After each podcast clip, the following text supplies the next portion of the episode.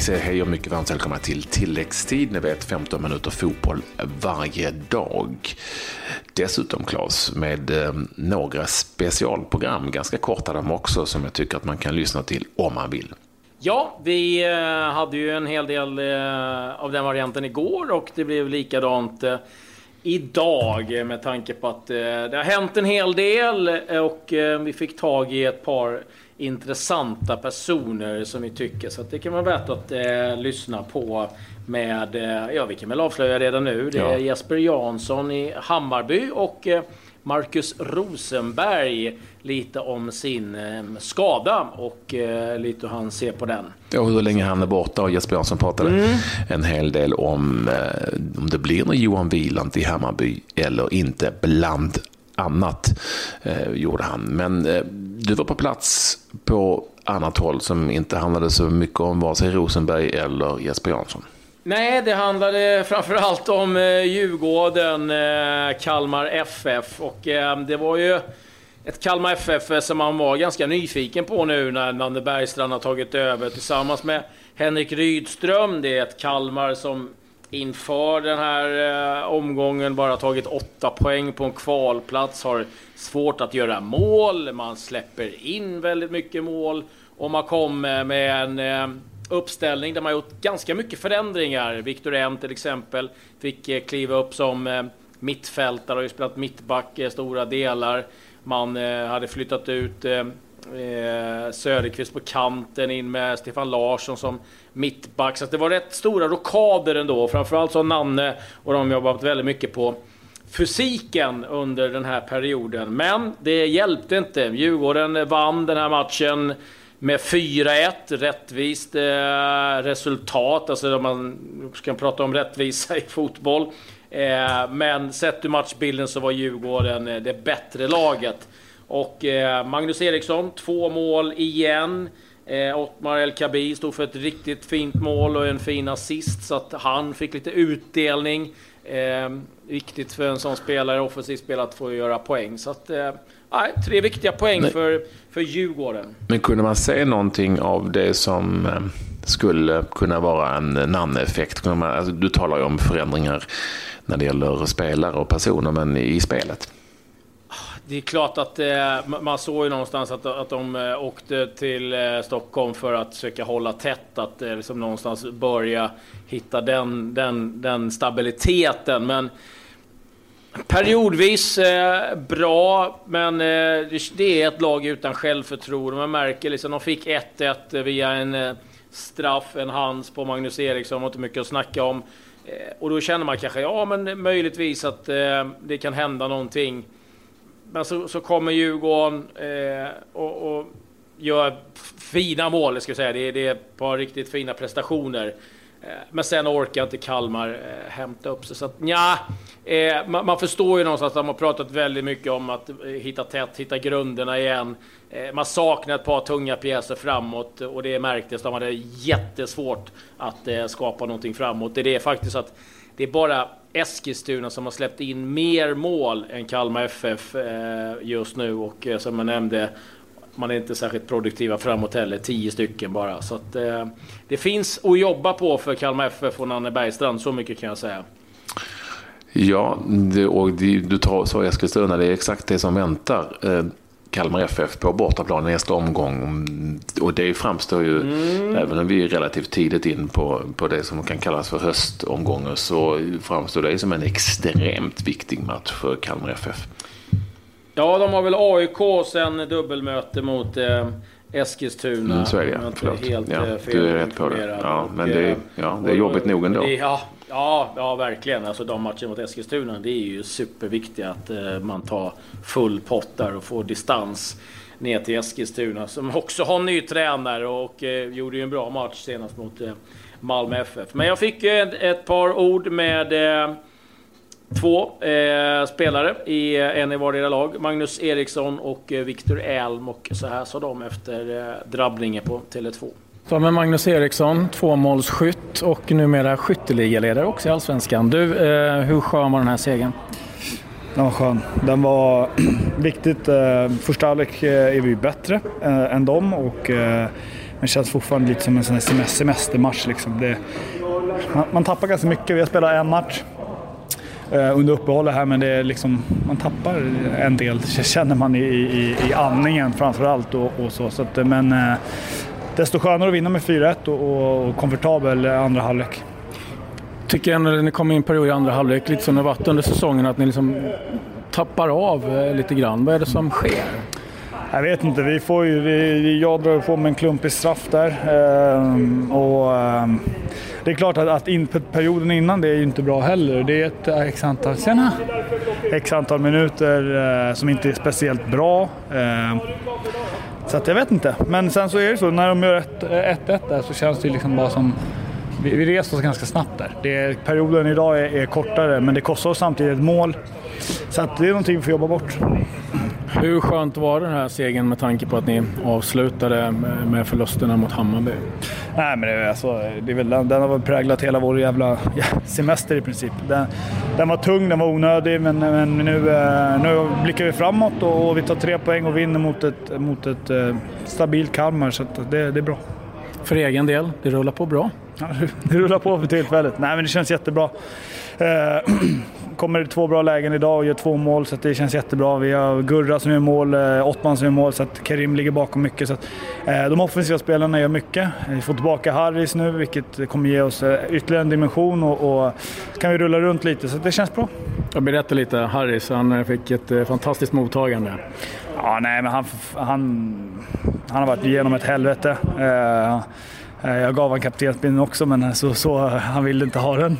Så, han vill inte stå i centrum så mycket. Nej, men eh, han har varit igenom ett helvete så att eh, jag undrar honom eh, att vara frisk och, och det är en fantastisk människa och en otroligt bra fotbollsspelare som Djurgården kommer ha bra och mycket användning av.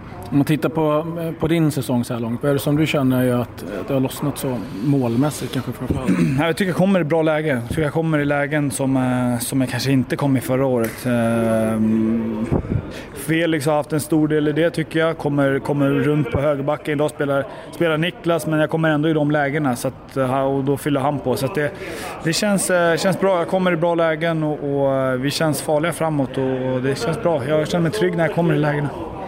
Kommande match i Sundsvall, sen är det två gånger Östersund. Jag känner att det är lite på gång nu. Ja, det känns bra. Vi blickar uppåt. Eh, det är, eh, vi har en stor tro på det vi gör och ja, vi blickar uppåt. Du, din gamla lagkamrat eh, nere i Malmö fick en gubbaskada, Ali Vicke Rosenberg. Vad säger du om? Nej, jag snackade lite med honom innan tidigare idag och det, det är, väl, det är segt för honom. Det är, det är klart, nu ska de in i Europa. Förhoppningsvis så är det väl inte allt för allt för lång, lång frånvaro. Ehm, så att jag unnar honom en, en god rehabilitering. Ja, Viktor Elm, lagkapten i Kalmar FF. Det var ingen rolig kväll det här. Vad, hur skulle du sammanfatta matchen?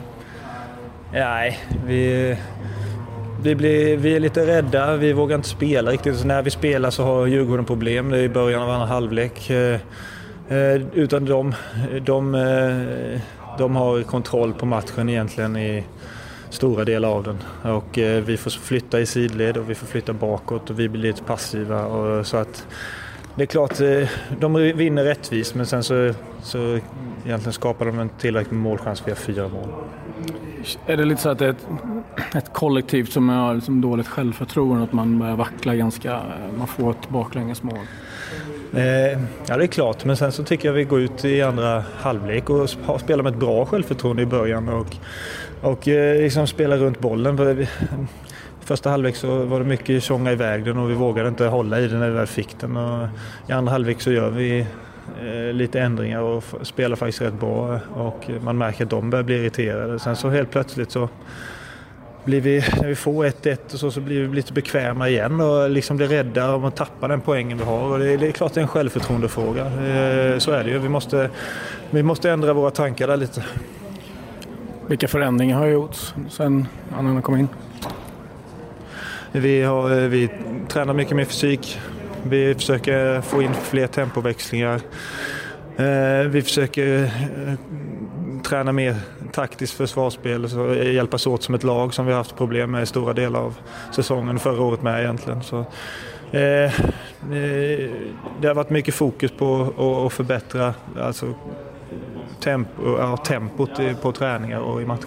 Hur var det när du fick kliva upp på mittfältet nu? Ehm, hur var det den omställningen? Nej, men det är klart man är van vid, vid att spela på mittfältet. Sen så är det, man har glömt hur mycket springare.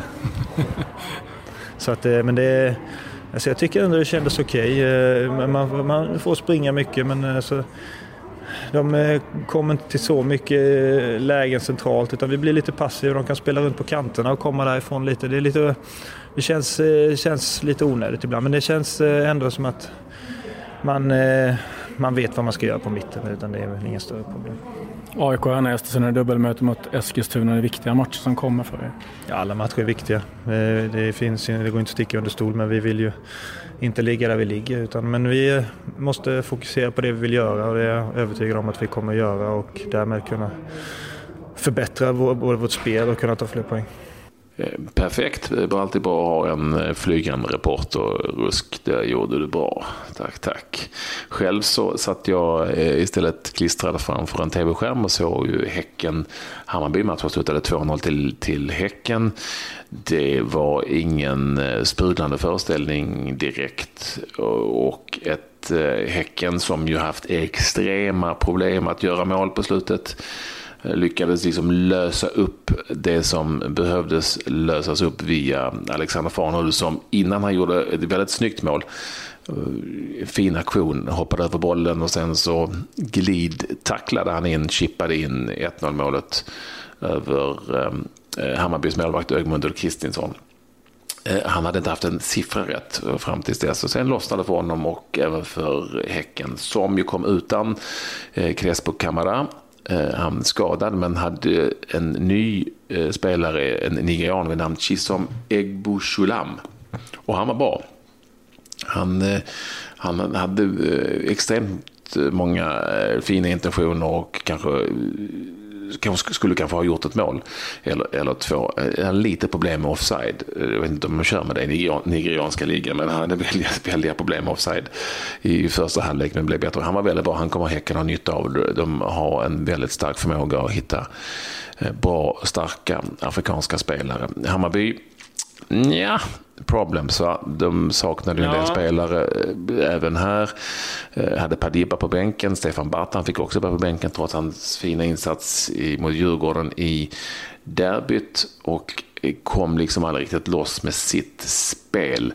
Eh, en liten rolig detalj i matchen var ju att Häckens målvakt Petter Abraham som tappade Eh, sin sko i den andra halvleken, eh, eller om den gick sönder. Eh, då var det en Hammarby-fan som kastade in en sko till honom. För de tyckte att det skulle, han borde få lite fart på spelet. De tyckte det tog för lång tid. Det påminner ju lite om när Kenneth Andersson missade en straff med sina gula skor. Jag tror det var mot Österrike på Råsunda för hundra år sedan. Eh, och folk, det var ju på den tiden alla hade svarta skor. Då kom han ett par gula skor och folk blev vansinniga. Och då kom det också en inflygande en sko till honom, en svart sko faktiskt, en låg sko. Påminner lite om det, det var lite roligt. Och eh, målvakt Abrahamsson vinkade glatt till eh, publiken, eh, gjorde tummen upp. Så, eh, det var eh, kanske det roligaste i den matchen. Eh, som ju som ju annars eh, var extremt eh, viktig för BK Häcken om de överhuvudtaget nu skulle liksom börja ta eh, tillräckliga kliv eh, uppåt i tabellen. Många menar att det, här, att det är ett, eh, ett topplag och sett till, sett till vilket, eh, vilket lag de har och vilken trupp de har så, så borde de nog vara det. Men 2-0 till eh, Häcken mot Hammarby. Lyssna till, som vi sa, Jesper Jansson i tilläggstid special eh, när han pratar om hur Hammarby ska förstärka här framåt hösten. Ja, och tittar vi lite, om vi summerar den här omgången så var ju Malmö den stora vinnaren. De toppar nu. En mm. match mindre spelad än eh, Norrköping, 30 poäng. Norrköping 27. Sen har vi Sirius på en tredje plats. Det är faktiskt ett koppel på 10 lag som är inom 5 poängs eh, marginal. Så att det är oerhört jämnt i allsvenskan. Så att det, det kommer ske mycket stora förändringar. Eh, både vad gäller toppstriden och eh, bottenstriden. Men med det så lämnar vi väl allsvenskan och eh, tittar på lite andra resultat som intresserar oss.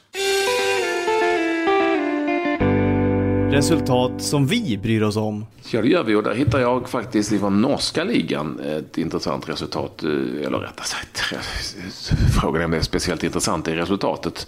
Men det är i alla fall en intressant detalj i den matchen. För det var Kristiansund som mötte Rosenborg, topplaget Rosenborg som leder den norska ligan. Eh, 3-3 slutade den matchen lite eh, småsvängig eftersom Rosenborg ledde med 2-0 låg sen under med 3-2 och i den 91 minuten kvitterade vem? Jo, gissa en gång. Ja, jag vet inte. Det kom ingen gissning från Claude. Nej, Niklas Bentner. Eh, han är ju Rosenborg nu för tiden. Men, men ja. fick, inte, fick inte spela från start. Eh, utan han satt alltså på bänken, Niklas Bentner, för Rosenborg borta mot Kristiansund i den norska ligan. Det är lite osäkert om det var det han drömde om för några år sedan, eh, Bentner. Men, men så var ju läget. Ja, Lord Bentness karriär har väl gått lite i stå, så kan man väl eh, säga. Jag eh, har eh, tittat lite på övergångar som har skett och en av de största är givetvis John Terry som lämnar Chelsea. Det blev Aston Villa i The Championship och en bidragande orsak var att han han kunde inte tänka sig att möta Chelsea i Premier League. Det skulle inte kännas rätt. Så det blev Aston Villa istället. Och eh, Jens Lehmann, kommer ihåg, målvakten. Han är tillbaka mm. i Arsenal, ska bli målvaktstränare där. Faktiskt. Så mm. äh, Peter Käck vet att han lever när galningen Lehmann är tillbaka.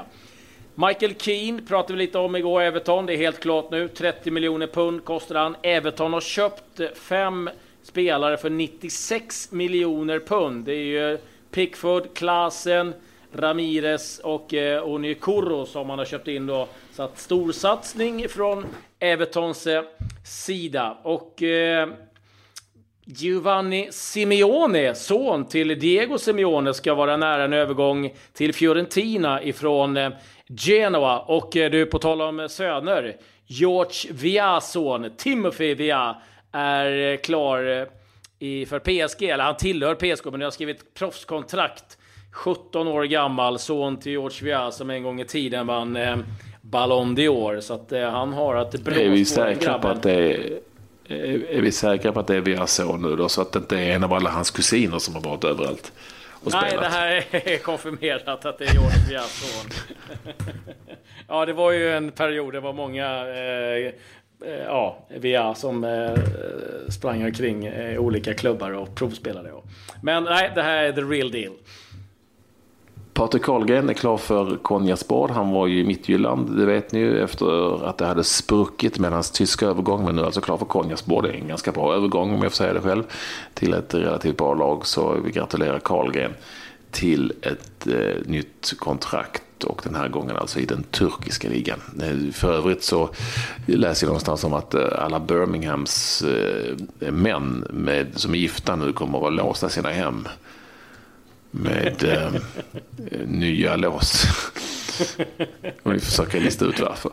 Ja, ni som vet, ni vet. Eh, men det jag tycker att vi vill runda av dagens tillväxttid. Ja, jag tänkte att vi ändå skulle lyssna lite alltså. till. Ska vi inte lyssna kortis till vad vi lyssnar kortis jo, till vad, det är klart vi ska. vad Marcus eh, Rosenberg alltså sa eh, när vi pratade om honom om skadan och hur länge han är borta. Här kommer en liten, liten, liten eh, kittlare som det heter. Så finns det mer att lyssna. Hela intervjun finns på Acast också under rubriken special Rosenberg. Men så här sa han eh, till oss eh, om eh, hur läget är. Ja, det är en liten bristning i gluteus maximus. Som är så fint låter. ja.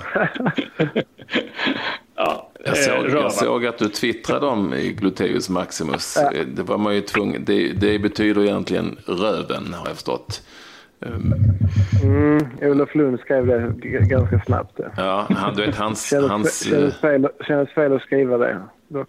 Ja, jag fattar. Hans syra, ja. läk, hans syra är läkare vet du, så att uh, han har koll på sånt. Ja, det är inte så vanligt, så det, det är ganska svårt att veta hur lång tid det tar. Liksom. Och där sätter vi punkt för den här dagen. Lyssna alltså till eh, special med både Markus Rosenberg och Jesper Jansson på eh, Acast och alla andra ställen där du kan höra vår podcast. Ja, adjö. Hej då.